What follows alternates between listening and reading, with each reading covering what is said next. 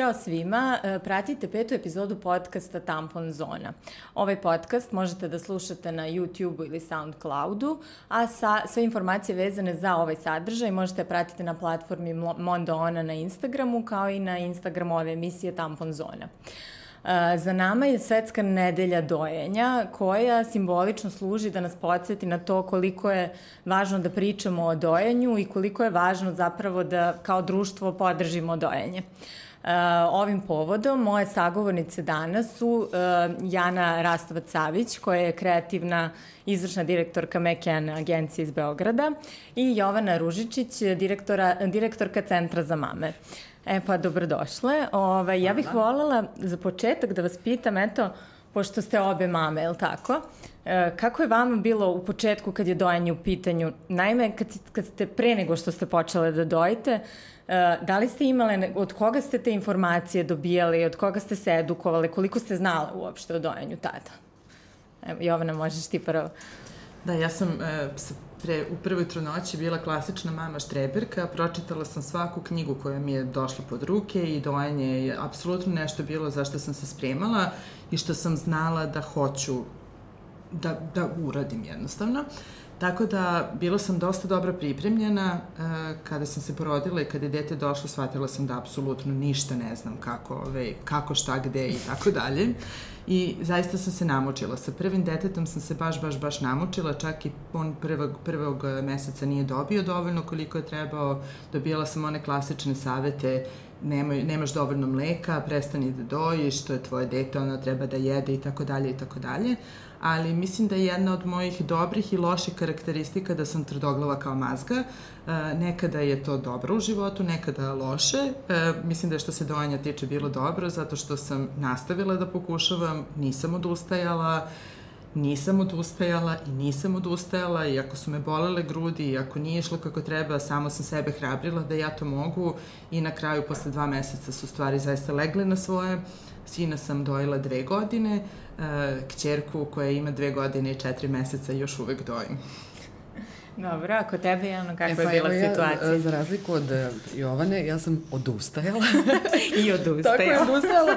Mislim da, mislim, svaka od nas će imati, e, ovo je obična, zapravo, neobična priča i svako ima nešto svoje. Naravno, da. svi mi u toj prvoj trudnoći smatramo da će sad stvari biti idealne kao i slikovnice, da ćemo se mi zaljubiti, dobiti bebu, da, često poroditi se. Da, često se to dojanje predstavlja kao da se samo yes, jednostavno desi samo to, to, to je nešto, to je nešto što će vam se desiti sasvim pristojno i vi kao majka osetit će, pogledat te okice, to će biti instinkt i sve će biti u redu, potom ćete bebu smestiti u krevetac, ona će spavati celu noć i sve će biti odne. Mislim, realnost obično bude drugačija. Da. Sa svojim prvim detetom ja sam bila onako malo polu prestravljena od svega i od dojenja, tako da sam ja tu priču onako, ne, neću nazvati uspešnom ili neuspešnom, pošto mislim da je sve, sve uspešno, uspešno i sve je okej okay, da. i jako sam protiv mami shaminga na bilo koju temu, ali recimo u prvoj trudnoći si valjda pod većom tremom, tako da sam ja svog prvo dete dojela samo tri meseca uz dohranu, mislim da je to, ne? A sa drugim detetom sam već bila uh, u hipi fazonu, tako da sam uh, se oslobodila toga, stavila svoje dete u krevet, uh, dojela sam i na zahtev,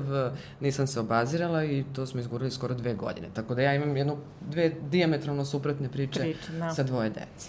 Koliko se tada uopšte, koliko su bile dostupne informacije o dojenju, koliko se pričalo glasno o tome? Evo danas, na primjer, ja primećujem da ima dosta nekih radionica, obuka, nekih školica koje mame prolaze, da se malo više, čini mi se da toga nije bilo, ne znam, pre deseta godina recimo, da. ali da se u poslednje vreme nekako sve više pažnje poklanja tome. Zašto mislite da se, i da li mislite da se ne govori dovoljno glasno o dojenju? E, ja mislim da si ti u pravu i da se mnogo glasnije priča o dojenju nego recimo samo pre deset godina. Da. Zato što prosto mislim da je to svetski trend, da je i svetska zdravstvena organizacija krenula na tome da govori mhm. glasnije, mm -hmm. da su jednostavno stvarima je krenulo da se razgovara. Da. Mislim, ali su se takođe suoč, ono, sučelila dva trenda e, nečega što se bebe odrasle na dohrani, kako sam i ja, mislim, odnosno dohrana je smatrana jednako zdravom kao i dojenje. Tako je sa ovim novim trendom krenula se govori, ali i tu imate militantnih stavova. Mislim, mislim da je tu glavni, mm -hmm. glavni problem. Mislim da dijaloga nema dovoljno, dovoljno informisanja nego opuštenog razgovora. Mm -hmm. Dakle, nije za dojenje, protiv dojenja. Ti si dobra mama, ti si da, loša mama. Da, sve nekako striktne Tako, neke, neke podele. Slikne, a ne, mislim da. da, se, da je stvar sistemski važno rešiti, o tome Jovana zna mnogo bolje od mene. Mm -hmm. Mislim da edukacija koju dobijamo u porodilištu najvažnija stvar, da su prvi dani u porodilištu ti koji će odrediti uspešnost, odnosno neuspešnost dojenja i naš stav u glavi da li smo na to spremni ili ne. Mislim da tu još nismo uradili, da, i uradili šta tvoje iskustva govori, inače, da. eto, pošto si u kontaktu sa puno mama i mm -hmm. e, znaš kako stoje stvari sa njima, koliko, koliko, koliko je važna ta sama edukacija u porodilištu i šta bi ona trebalo sve da obuhvati? Ja mislim da je edukacija jedna od ključnih stvari, zato što da biste bilo šta uradili, treba da znate kako to da se uradi, a kako je Jana rekla, nije baš da porodite se i odmah sve znate i sve legne na svoje i mleko kreće da jednostavno izlazi iz vas. mislim, ne desi se tako, jel? Ove, um, ali e, mislim da postoji zaista mnogo više informacija koje možete sada da dobijete nego ranije. Od, postoje brojne škole roditeljstva, postoje postoje patronažne sestre koje dolaze, moja je meni, mislim, igrala ključnu ulogu u tome da, ona je, mislim, da mi je ona osoba koja mi je najviše pomogla mm -hmm. sa mhm. mojim dojenjem, odnosno sa dojenjem moje dece, um, ali ono što je jako, jako bitno, priča se o dojenju čini mi se u jednom kontekstu, a to je informacije i da mame treba da znaju kako da se to radi i tako dalje i tako dalje. A ne priča se i to bi volela da i mi više radimo i da se o tome više priča o psihološkoj podršci mamama. Mhm, samo i mami, Jer mama da. koja se osjeća Tako dovoljno je. jako i dovoljno sposobno je mama koja doji, je mama koja sve uspeva. Ali ako uđete iz poro, kako, ako izađete iz porodilišta, ako izađete iz porodiljske sale, da se osjećate kao da nemate nikakvu moć, da nemate nikakvu moć nad sobom, da nemate nikakvu moć nad svojim telom. Ako tih nekoliko dana koje prevedete u porodilište vas tretiraju kao da nemate pojma ni o čemu i kao da ste vi tu da date, be, da date bebu i eto beba je dobro, šta se žališ, mm -hmm. zašto želiš bilo kakav dobar odnos mm -hmm. prema tebi, to nema nikakve veze, beba, ti, beba je živa i zdrava, onda dođete kod kuće i imate komšinicu sa trećeg sprata, svekravu, mamu, baba tetku, ujnastrinu i tako dalje, koje sve imaju svoje mišljenje i sve su, o, ajde ovako, ajde ovako, sve daju daju savete, a niko zapravo ne daje savet koji je glavni, a to je ti to možeš, mama. Da. Tako je. Ja mislim da žene, i da zbog toga najčešće žene odustaju, jer se ne osjećaju da mogu, a mogu.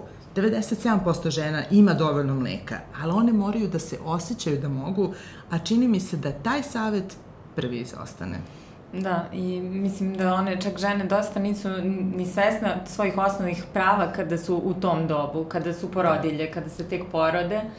Mislim, i one su u jednoj vrsti haosa tada i sve je to novo za njih, tako da mislim da to stvarno može da bude jako, jako, jako važna ta podrška. Apsolutno, apsolutno, pogotovo ako je prvo dete. Mislim, prvo hormoni su, vi ste potpuno drugačija osoba, pogotovo tih prvih nekoliko nedelja, sami saznajete gde ste, šta ste, kako se snalazite, pritom i tih dana imate podršku možda po neku, većina nema nikakvu, a i često onako svi očekuju da će sve da poleti istog trena i da će da bude najsjajnije. Sećam se moje iskustvo sa prvim detetom je bilo, moja mama imala težak moždani udar 9 dana pre nego što sam se ja porodila. Mama je, nažalost, i dalje nepokretna i tako dalje i tako dalje kao posledica toga, ali ja sam na nju računala da će ona biti sa mnom u tom periodu. Tih 9 dana od njenog moždanog udara do mog porođaja apsolutno se nisam snašla da napravim sebi plan B. I prvih dana, prvih nekoliko nedelja sam bila najusamljenija u životu. Nikada nisam bila toliko sama, nikada nisam bila toliko pod raznoraznim ono, hormonima i sreće i poludepresije i ne znam da li da dojim, ni da li će mi mama ostati živa i sve to nekako sa kim god da sam se čula. Prvo pitanje koje sam pitala, je li uživaš? Pa kao ne ne uživam, mislim, mnogo sam srećna što sam mama i sin mi je apsolutno predivan i to je sve divno, ali sad da ti kažem da uživam, pa ne bi baš ovo navela kao prvi primer uživanja u životu. Da, pa dosta I si... užasno je bitno da pričamo o tome, da nisu sve leptirići šarenići, da nije sve ovako, ovako i odme lako i sve krene od kako treba u istom, istom trenutku i da je jako bitno da se mama osjeća dobro. Da li će da doji, neće da doji, treba da doji, super ako može, ali ona treba da se osjeća dobro. Šta, šta mislite, kako da učinimo tu, šta, kakva im je to podrška naj, najpotrebnija? Pa, mislim, mislim da stvari treba drastično da se promene u srpskim porodilištima. Mislim da takozvani uh, baby friendly program, koga ja nisam iskusila, mm -hmm. postoji da ne mogu o njemu da govorim, ali mogu da govorim o svoja dva iskustva. Mislim da porodilišta uz najbolju nameru da se postaraju našoj deci i verujem da su stručnjaci i profesionalci, mora nešto uh, u pristupu da se menja. Dakle, ne može mama biti izolovana, a beba da biti donešena mami nahranjena. Mama je zbunjena, mm -hmm. mame su brojevi, tamo radi disciplina, tamo je najvažnije da se pokrijemo kad dolazi vizita, ima malo humanog Ja sam stalno pričala zašto porodilišta ne angažuju studentkinje psihologije, recimo, koje da, će za svoju praksu, ja jer da jedino što ti želiš da. u porodilištu da neko sedne sa tobom i da ti pokloni 10 minuta normalnosti.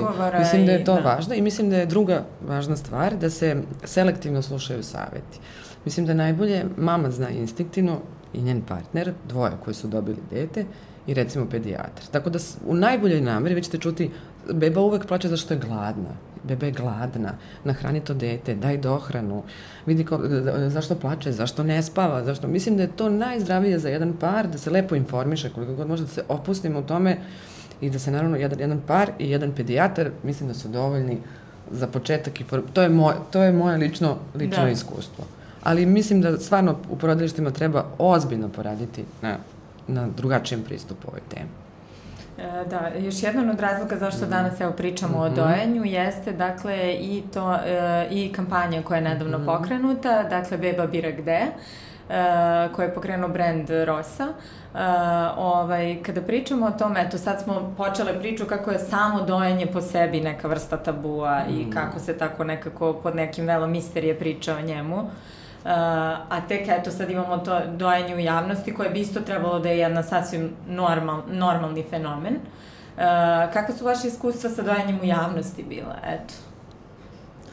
Ja sam imala uh, nekoliko Neko, različitih, mislim, pošto, kao što sam već rekla, ja već godinama dojim, ja još uvek dojim, tako da, ovaj, da. Uh, imala sam, kada sam bila trudna, imala sam sreće da su tri moje dobre drugarice bile trudne u isto vreme kada i ja. I naš četiri smo se porodile e, šest nedelja jedna od druge, a tokom čitave naše trudnoće smo se sastali svake drugog nedelje, svake druge nedelje na trudničkom doručku.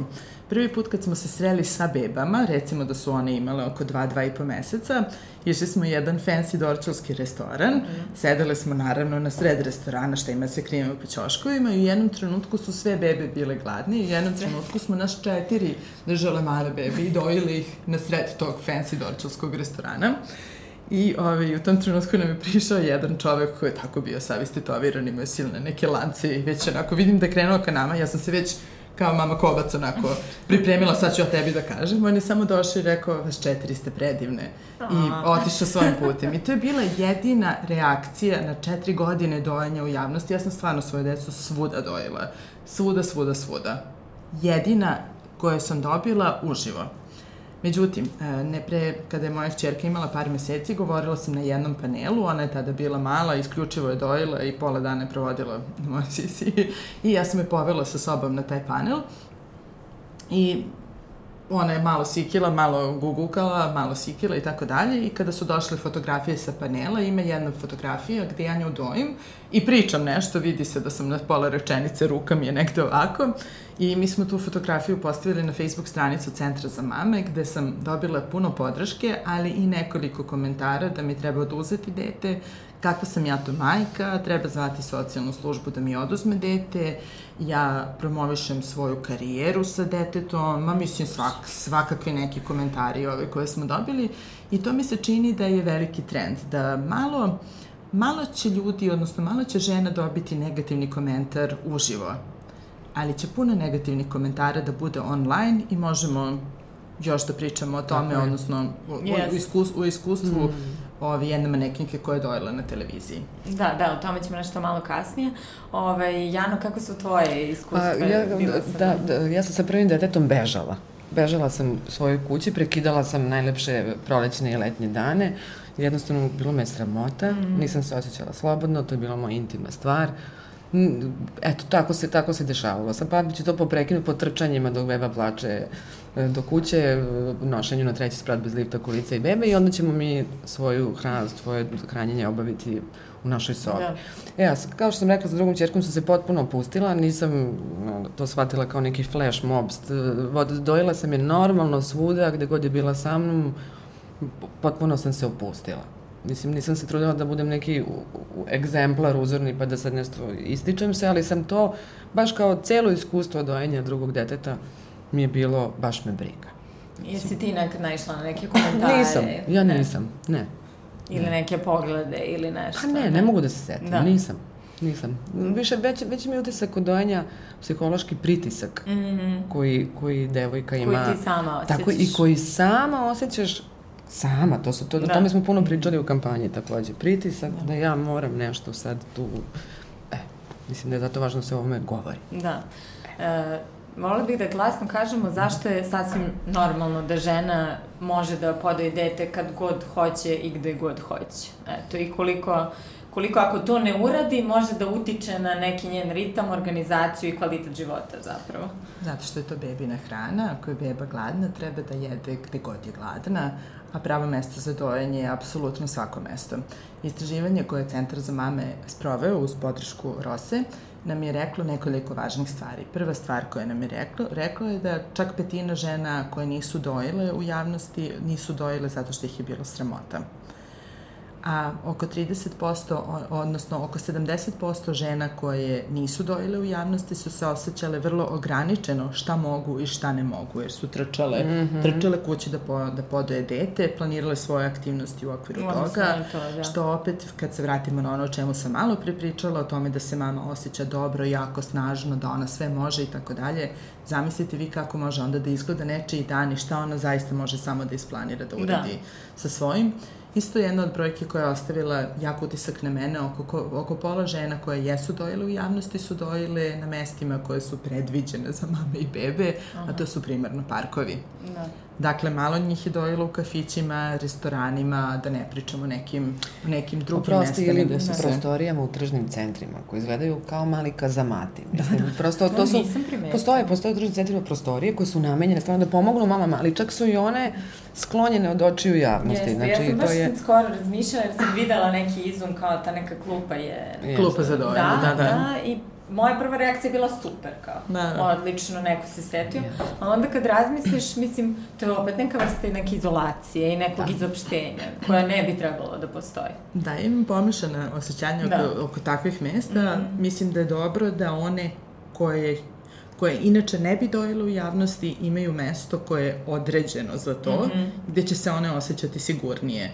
Tako da, sa, sa, da li, ako biramo, da li sam više za to da mama da, trči kući na dva da, sata ili, ili doje da na klupi za dojenje, varijant. super da ima da. na klupu za dojenje. Ali po meni je svaka klupa klupa za dojenje. Takođe, jedan bitan podatak koji smo, do kog smo došli je da oko 30% mama koje nisu dojele, osjećale su se postramljeno, nisu se osjećale dovoljno sigurno u sebe i tako dalje i tako dalje. To je 30% žena koje su uh, očekivanja publike, očekivanja realno šta te briga šta misli komšinica ili one koje žive u zgradi pored tebe, stavile odnosno izabrale da su im da. kao važnije nego, mm -hmm. nego ono što su bile potrebe njih i njihovog deteta. I zato je užasno bitno. Mislim da smo puno napredovali u poslednjih 10-20 godina kada se tiče ove teme. Mm -hmm. I mislim da je jako bitno da imamo i, poz, da imamo i poznate ličnosti koje doje u javnosti i kompanije kao što je Rosa ili neke druge koje podržavaju ovakve inicijative. Ali dok uh, svaka žena ne misli da je svaka klupa klupa za dojenje i dok bilo ko ima, ne, ima neko neprijatno iskustvo ove teme na koje svi treba da radimo. A šta mislite, zašto uopšte, eto, mi danas pričamo o ovome kao o zasebnoj temi? Dakle, šta je to, zašto je dojanje u javnosti takav tabu i ko su ti ljudi kojima to smeta? Šta im tačno smeta? E, to je meni najveća najveći znak pitanja u celoj ovoj priči. Malo pre sam ovaj, promenula jedno televizijsko mm. gostovanje. Uh, u toku ove kampanje Beba bira gde, manekinka Bojana Barović je podojila svoju bebu koja je recimo tada imala 2-3 meseca u, jednoj, u jednom jutarnjem programu. Uh, I kasnije posle to, to išlo i po medijima kao saopštenje da je Bojana Barović dojela prvi put na nacionalnoj televiziji bebu i tako dalje i tako dalje. I sad ono što, ono što je i moje iskustvo je, sigurna sam da njoj niko nije lično prišao i rekao u lice, e Bojana ti nisi normalno što si to radila, ali komentari po društvenim mrežama, po portalima koji su to preneli su bili šta ima to da radi, da li ona normalna, to je za ovo, šta ću ja da gledam njeno, kako ovo, kako ono. Bilo je puno pozitivnih komentara, ali bilo je jako puno negativnih. I ko su ti ljudi, ja stvarno ne znam. to su ljudi koji su svuda oko nas. Nemoguće je da ti ljudi samo postoje na internetu, postoje svuda oko nas. Ne, postoje, su postoje neki... ta njihova stanovišta je nešto isklasalo, mislim, oni... Apsolutno. Da, da, šta ti misliš, Jana? Mi smo još uvek da. jedno fino tradicionalno društvo. Mislim, i sad, e, mislim da je jako važno da pričamo zašto danas govorimo, pitala se o ovoj temi, važno da govorimo o bilo kojoj temi koja oslobađa ženu. Da. To, to smatram da je jako važno. Odakle zapravo ideja za, za naravno, dobili smo podatke istraživanja, Da, te, I, još jedan podatak koji je iz tog istraživanja je. jeste da 90% žena se ne osjeća dobro da doju javnosti zbog osude sredine. Ne osjeća se prijetno, je li tako? 90% žene je mislilo da, da nema dovoljno podrške, podrške za, takve, za tako da, nešto. Da. Tako je. Kad smo mi dobili zadatak, pošto je Rosa jedan, sad ovo, apsolutno nije reklam, jedan fantastičan i hrabar brend, kao malo koji je u ovoj zemlji, a pričat ćemo o tome više o ulozi brendova i šta, šta javnost od njih očekuje. Rosa se već dugi niz godina bavi podrškom beba, bebama i majkama. I kad smo mi rekli, hajde šta ćemo sledeće da uradimo, na koji način možemo da aktiviramo javnost iz ovog istraživanja, to, to je bio jedan, mi smo se šokirali, mislim, i rekli, hajde sad da vidimo ako su ovo šokantni podaci, na koji način mi možemo da malo šoknemo isto tu srpsku javnost i da pravamo da napravimo jedan front, jedan lep front koji će stvarno ujediniti, dati glas ovoj potrebi da se da dojenje bude najnormalnija stvar I onda smo se praktično dosetili da tu kampanju krenemo tim prvim dojenjem uživo. Mislim da će neko, da, da će se vidjeti deo nečeg mesa, mislim jedna beba biti uhranjena i, i hteli smo da damo, da bismo dobili što veću podršku javnosti, mi smo glavnu ulogu ove kampanje dali bebi. Mm -hmm. I naša kampanja se zove Beba, Beba bira, bira gde. gde. Da. Nije mama oslobodi svoje telo ili hajde da dojimo zajedno, dojenje je lepo, mama ti si super, nego smo rekli Beba bira gde. Zato što je poenta svega da je to bebina hrana. To je bebino pravo da jede. I onda o čemu se radi zapravo? Mislim, u ovakvim tradicionalnim društvima žensko telo je seksualizovano da. u svakom mogućem aspektu. I mislim da tu, u tradicionalnim društvima, tu se stvara neka tenzija, zato što uh, dojenje je instinkt, ili tako? Instinkt, beba kad hoće da jede, mama hoće instinktivno da nahradi svoje mladunče, mislim, u svetu životinja pa i ljudi. Uh, Zašto je onda problem zašto mi kao društvo ne reagujemo negativno na to kad se dete potrči sa plete, a mama instinktivno uzme Krene da ga podigne. Da. Ili će beba se zagrtuti, znači mama će instinktivno da ga obrne za noge i, i potapše. Zašto je onda instinkt hranjenja svog deteta toliko društveno kako kažem, ono stavljen u neku zaključen. Da. Zašto, zašto je to problem? Zašto je to? I u stvari je teza cele kampanje i naš cilj bio da dojenje na javnom mestu bude jednako prirodno kao što je pijenje vode na javnom mestu. Evo ja sad pijem, mislim da sad ovde neko doji bebu, da. trebalo bi da nam bude isto i bebi i meni i nama u studiju, da. trebalo bi da bude normalno. Da. E, reci mi, eto, kad smo već krenuli da pričamo o kampanji, kakav mhm. je bio odje, kakve su bile reakcije, Uh, ko se sve priključio tu, eto, kako je teklo sa ceo taj sad feedback e, kod ceo, javnosti? Ceo taj feedback počeši od ovih komentara koje smo dobili na, na gostovanju Bojane Barović, koja je stvarno bila hrabra i ti raznih stavova koji su se tu sukobljavali, što smatramo za dobro, jer takođe otvorio se i dijalog, pa ste vi videli da ljudi u komentarima ulaze polako u neku vrstu dijaloga, neko će reći užasno, primitivno, grozno, idi kući, odvratno, to radiš samo zbog novca, mm -hmm. šta sad, šta ste sledeće izmislili, i ljudi koji su stvarno davali kontraargumente, sasvim sabrane kontraargumente, tako da je to bilo okej. Okay. Ali da bismo mi dobili jedan širi front i zapravo da bismo praktično pomogli, ne samo da se o ovoj temi govori, nego da mamama se nađemo praktično na usluzi, mi smo napravili jednu mrežu objekata koji su se i deklarativno izjasnili kao baby friendly objekti, jedna mala nalepnica, roza, beba bira gde, našla se na vratima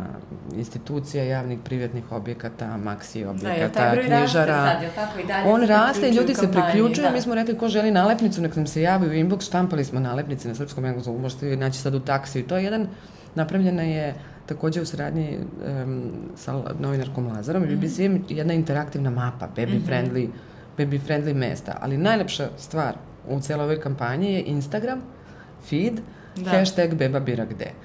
Pozivam vas da ga pogledate jer tu ćete vidjeti najrazličitije mame koje su hrabro izašle sa svojim bebama, fotografisale se od klupa, od e, prtljažnika automobila, galerije. Mislim, to je stvarno jedna ono self-generated, jedna fenomenalna izložba o našem oslobođenju i ono pravima koje nam pripadaju. Da, mislim da je to jedno čak i od najvažnijih aspekata ove kampanje, to što su žene, dakle, to na Instagramu videla i mogle da se identifikuju i same da se oslobode. Uh, ovaj, kao što si ti Jovna isto pomenula, dakle, osim Bojane i još neke blogerke, poznate ličnosti su se uključile E, koliko je to važno? Šta misliš za celu kampanju bilo? Mislim da je to jako važno. Mislim, možemo da pravimo kakve god kampanje vidimo ako mi ne dobijemo povratnu informaciju od javnosti, ako se javnost, ako javnost ne prepozna poruku kao iskrenu i nameru kao dobru, mislim da su te kampanje propale i mislim da je to jako, jako važno, jer sam mogla da vidim drugu mamu, pa i sebe, drugaricu, pa čak i poznata ličnost to radi, radim i ja, neko se slikao s mužem, neko sa dvoje dece i da. bebom. Mislim da je jako važno i za mene kao što sam rekla, taj Instagram feed mi je najlepša stvar, takođe. Imamo podršku, bile su tribine, razgovori, da. Uh, Rosa će takođe se aktivirati u nekim programima koji su podrška u samim bolnicama, da se, da se to mesto za razgovor e, napravi spremnijim i da mame stvarno imaju prostor ovaj, na, kome će, na kome će da borave. E, da, kad govorimo o tim ženskim pitanjima koje su te često, eto, tako mhm. nekako bez razloga tabuizirana i o kojima se ne priča dovoljno, eto, vi ste radili i kampanju za neželjenu takođe, mhm. koja je isto, da nije bilo nje, ne znam koliko ljudi bi uopšte čulo za problem selektivnog abortusa, ono, niko nije znao da to može da se desi, a ne da se u toj meri dešava. Uh, ovaj, koliko, eto sad, internet, društvene mreže, koliko nam je sad omogućeno da na tom polju delamo na, na ovako neke važne stvari i kako se ti osjećaš kad radiš takve stvari? Ja se da, profesionalno osjećam najlepše kad radim te stvari, zato što mislim da su mediji u, do te mere demokratizovani, da danas stvarno, samo ako smo lenji i apsolutno nas ne zanima, možemo sebi da nađemo izgovor. Uh, da kao profesionalci ne želimo da pokrećemo neke teme. Agencija u kojoj radi McKen, ja sam član tima te agencije, mi smo stvarno, naš zadatak jeste, pošto naravno radimo kampanje za najveće svetske domaće brendove, rekli smo deo svog vremena posvetit ćemo pokretanju važnih dijaloga u društvu. I tako je sa kampanjom Neželjena, koji je bio stvarno pravi problem. U istom interesu da. smo se našli, ti si napravila posle fantastičan da. film, ali to je recimo problem koji je nevrovatno da postoji. Mi smo rekli stvarno, mislim da industrija komunikacija, PR, agencije imaju neviđenu moć da utiču na stvari. I sad ta skepsa oko toga da li će kampanja promeniti, ne, pa dobro, hajde da vidimo da li će, hajde da pokrenemo neke teme, da budemo malo hrabri pa da vidimo hoće li biti rezultat. Najlakše je ne govoriti ni o čemu ne pokretati, ne pokretati da. priče. Znači, kampanja Nežene u Crnoj Gori trajala godinu dana, one pe, peticija potpisana, peticija je predata tamo gde treba, one sad već u nekom sistemskom procesu. Da, i problem, problem, problem je lociran i problem glasno izgovoren i je. sad je potpuno, ja, mislim, tako je. mislim da je to osvešćivanje zapravo je. najvažnije kao i u ovoj isto priči a ne, A ne, a ne radimo mi neke, da. ne znam, kakve vanzemaljske teme. Da, Sve da, teme o kome govore, to su, to su ciljevi koje postavljaju UN, to su ciljevi održivog razvoja. Da. da svako ima slobodu da živi, hrani se, korača slobodno, Mislim, i mi stvarno ono, nastojimo da se, da jednom godišnje pokrenemo dve važne teme od šireg društvenog značaja, taj narod, jer samo, stalno ponad, samo ako govorimo o stvarima, stvari će se menjati. Ako o stvarima ne govorimo, neće se menjati. Da, tačno. Ove, Jovana, kako ti iz tvog ugla izgleda cijela ova kampanja? Eto, i ti si u kontaktu sa puno mama i verovatno su i na vašoj stranici reagovale na celu ovu priču. Da, mislim da je kampanja bila izuzetno važna i izuzetno moćna. Važna zato što smo kroz nju saznali neke brojke koje do sada nisu postojale. Mm. Važna zato što smo otkrili šta je to što mame zapravo misle o dojanju na ja, u javnosti. Sa jedne strane, jesam srećena da veliki broj mama koje je popunio to naše istraživanje jeste dojelo u javnosti, a sa druge strane, zaista želim da radim na tome da nisu samo parkovi mesta za dojanje, svako mesto je mesto za dojanje i takođe da radim na tome da svaka žena koja doji i koja želi da doji nema nikakvo ograničenja što se toga tiče. Tako da mislim da je kampanja bila odlična i važna i ovo što se kasnije dešava po rezultatima posle kampanje je takođe nešto što i mene kao aktivistkinju za ženska prava i za prava mama i tekako motiviše da nastavimo dalje da radimo na ovoj temi. Da, mislim da je isto jako važno i što je kampanja, eto, e, samim tim što je glasno progovorila o dojenju, nekako i taj mit o tome da je dojenje, mislim, dojenje jeste intiman čin sam po sebi, ali nije ovde često koji god neki problem da imamo, često se priča kako to treba da ostane u naša četiri zida. Mislim da je to jako jedna loša predrasuda i da ne treba da stoji u četiri zida nešto što, se, što radi svaka od nas, nego treba glasno da se govori o tome i da se razmenjuje iskustva. Apsolutno se slažem sa vama i slažem se da imamo mnogo tema u ovom društvu koje su za četiri zida po mnogima.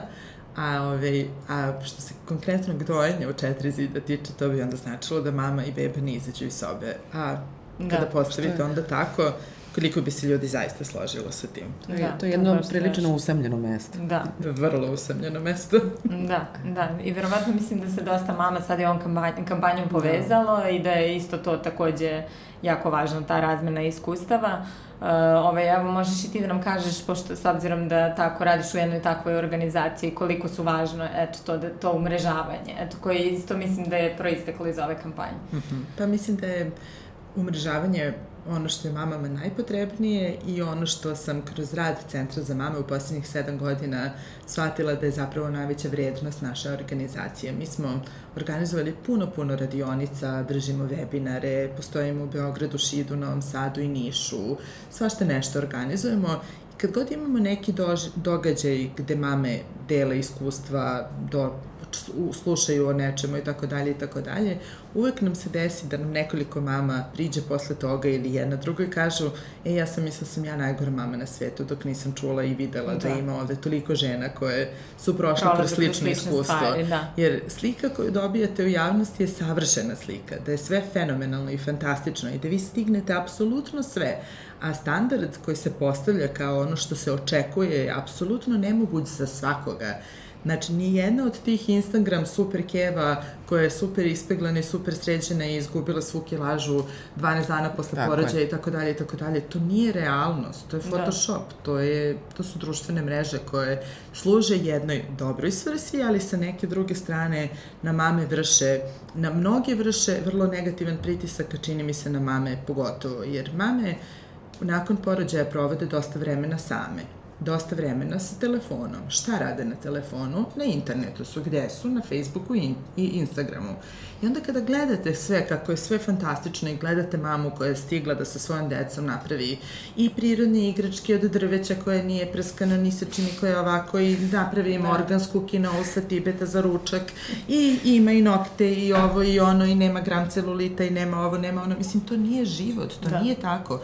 Ali ako vi sedite u svoja četiri zida, i razmišljate o tome kako ste vi mama i onda vidite samo to, mm. ništa drugo od toga ne vidite, šta ćete onda da pomislite o sebi? I zato organizacija kao što je Centar za mame ili bilo kakva druženja i umrežavanja mama, gde će oni da podele svoje iskustva, da ćete saznati da možda niste jedini koji nisu oprali kosu četiri dana ili koji nisu stigli ovo ili koji nisu stigli ovo.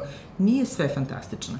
Nikad neću zaboraviti jednu od naših radionica koju smo pre nekoliko godina održali da možda 30 mama sedelo i pričalo i jedna mama rekla da ja ne želim da moje dete ikada ima tantrum na ulici gde je preostalih 29 pogledalo ovako nju i istog trenutka rekla imaće. to je jako bitno. Da.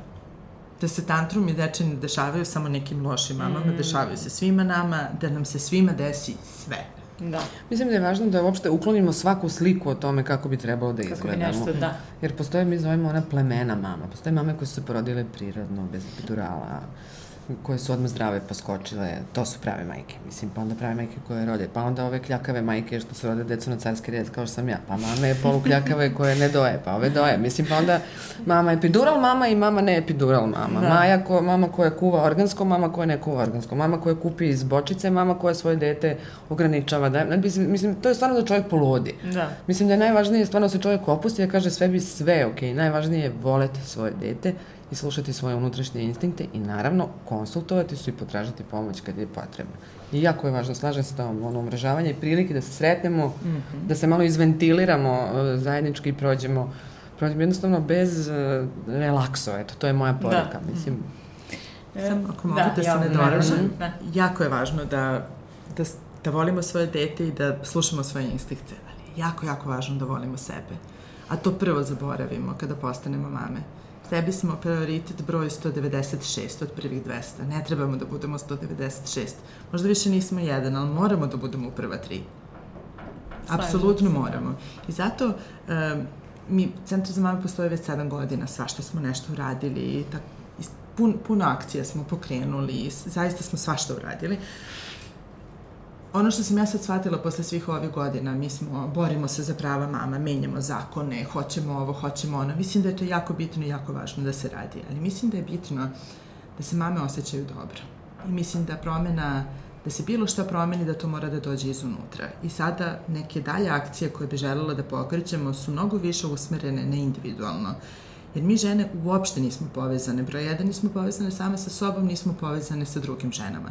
Zamislite muškarce da su solidarni koliko su žene. Pa nigde ne bi dostigli. A mi prvo jednako druge gledamo. Ja vidi kakav celulit ima. Jesi videla ovo, jesi videla ono. Zašto smo bre takve? Pa ne smemo da budemo Jeste, takve. ta solidarnost. I solidarnost, jako Jana je jako bitno rekla da postoje plemena među mamama, ali postoje plemena među ženama.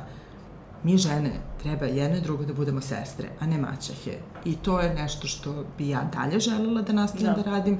To je nešto što će Centar za mame dalje nastaviti da radim i mislim da je to zadatak apsolutno svake žene. Od pričali, sad pričamo o bebama, pričamo o dojenju. Od kako sam postala mama, više ne kupujem poklone samo kada se beba rodi, uvek i mami nešto kupim. Ne mora da bude ne znam šta. Ja flašu Uvek. vina. Mama, to su mi naučili kod Da, to, to je super, jedino nije baš zgodno ako mama samo doji, doji.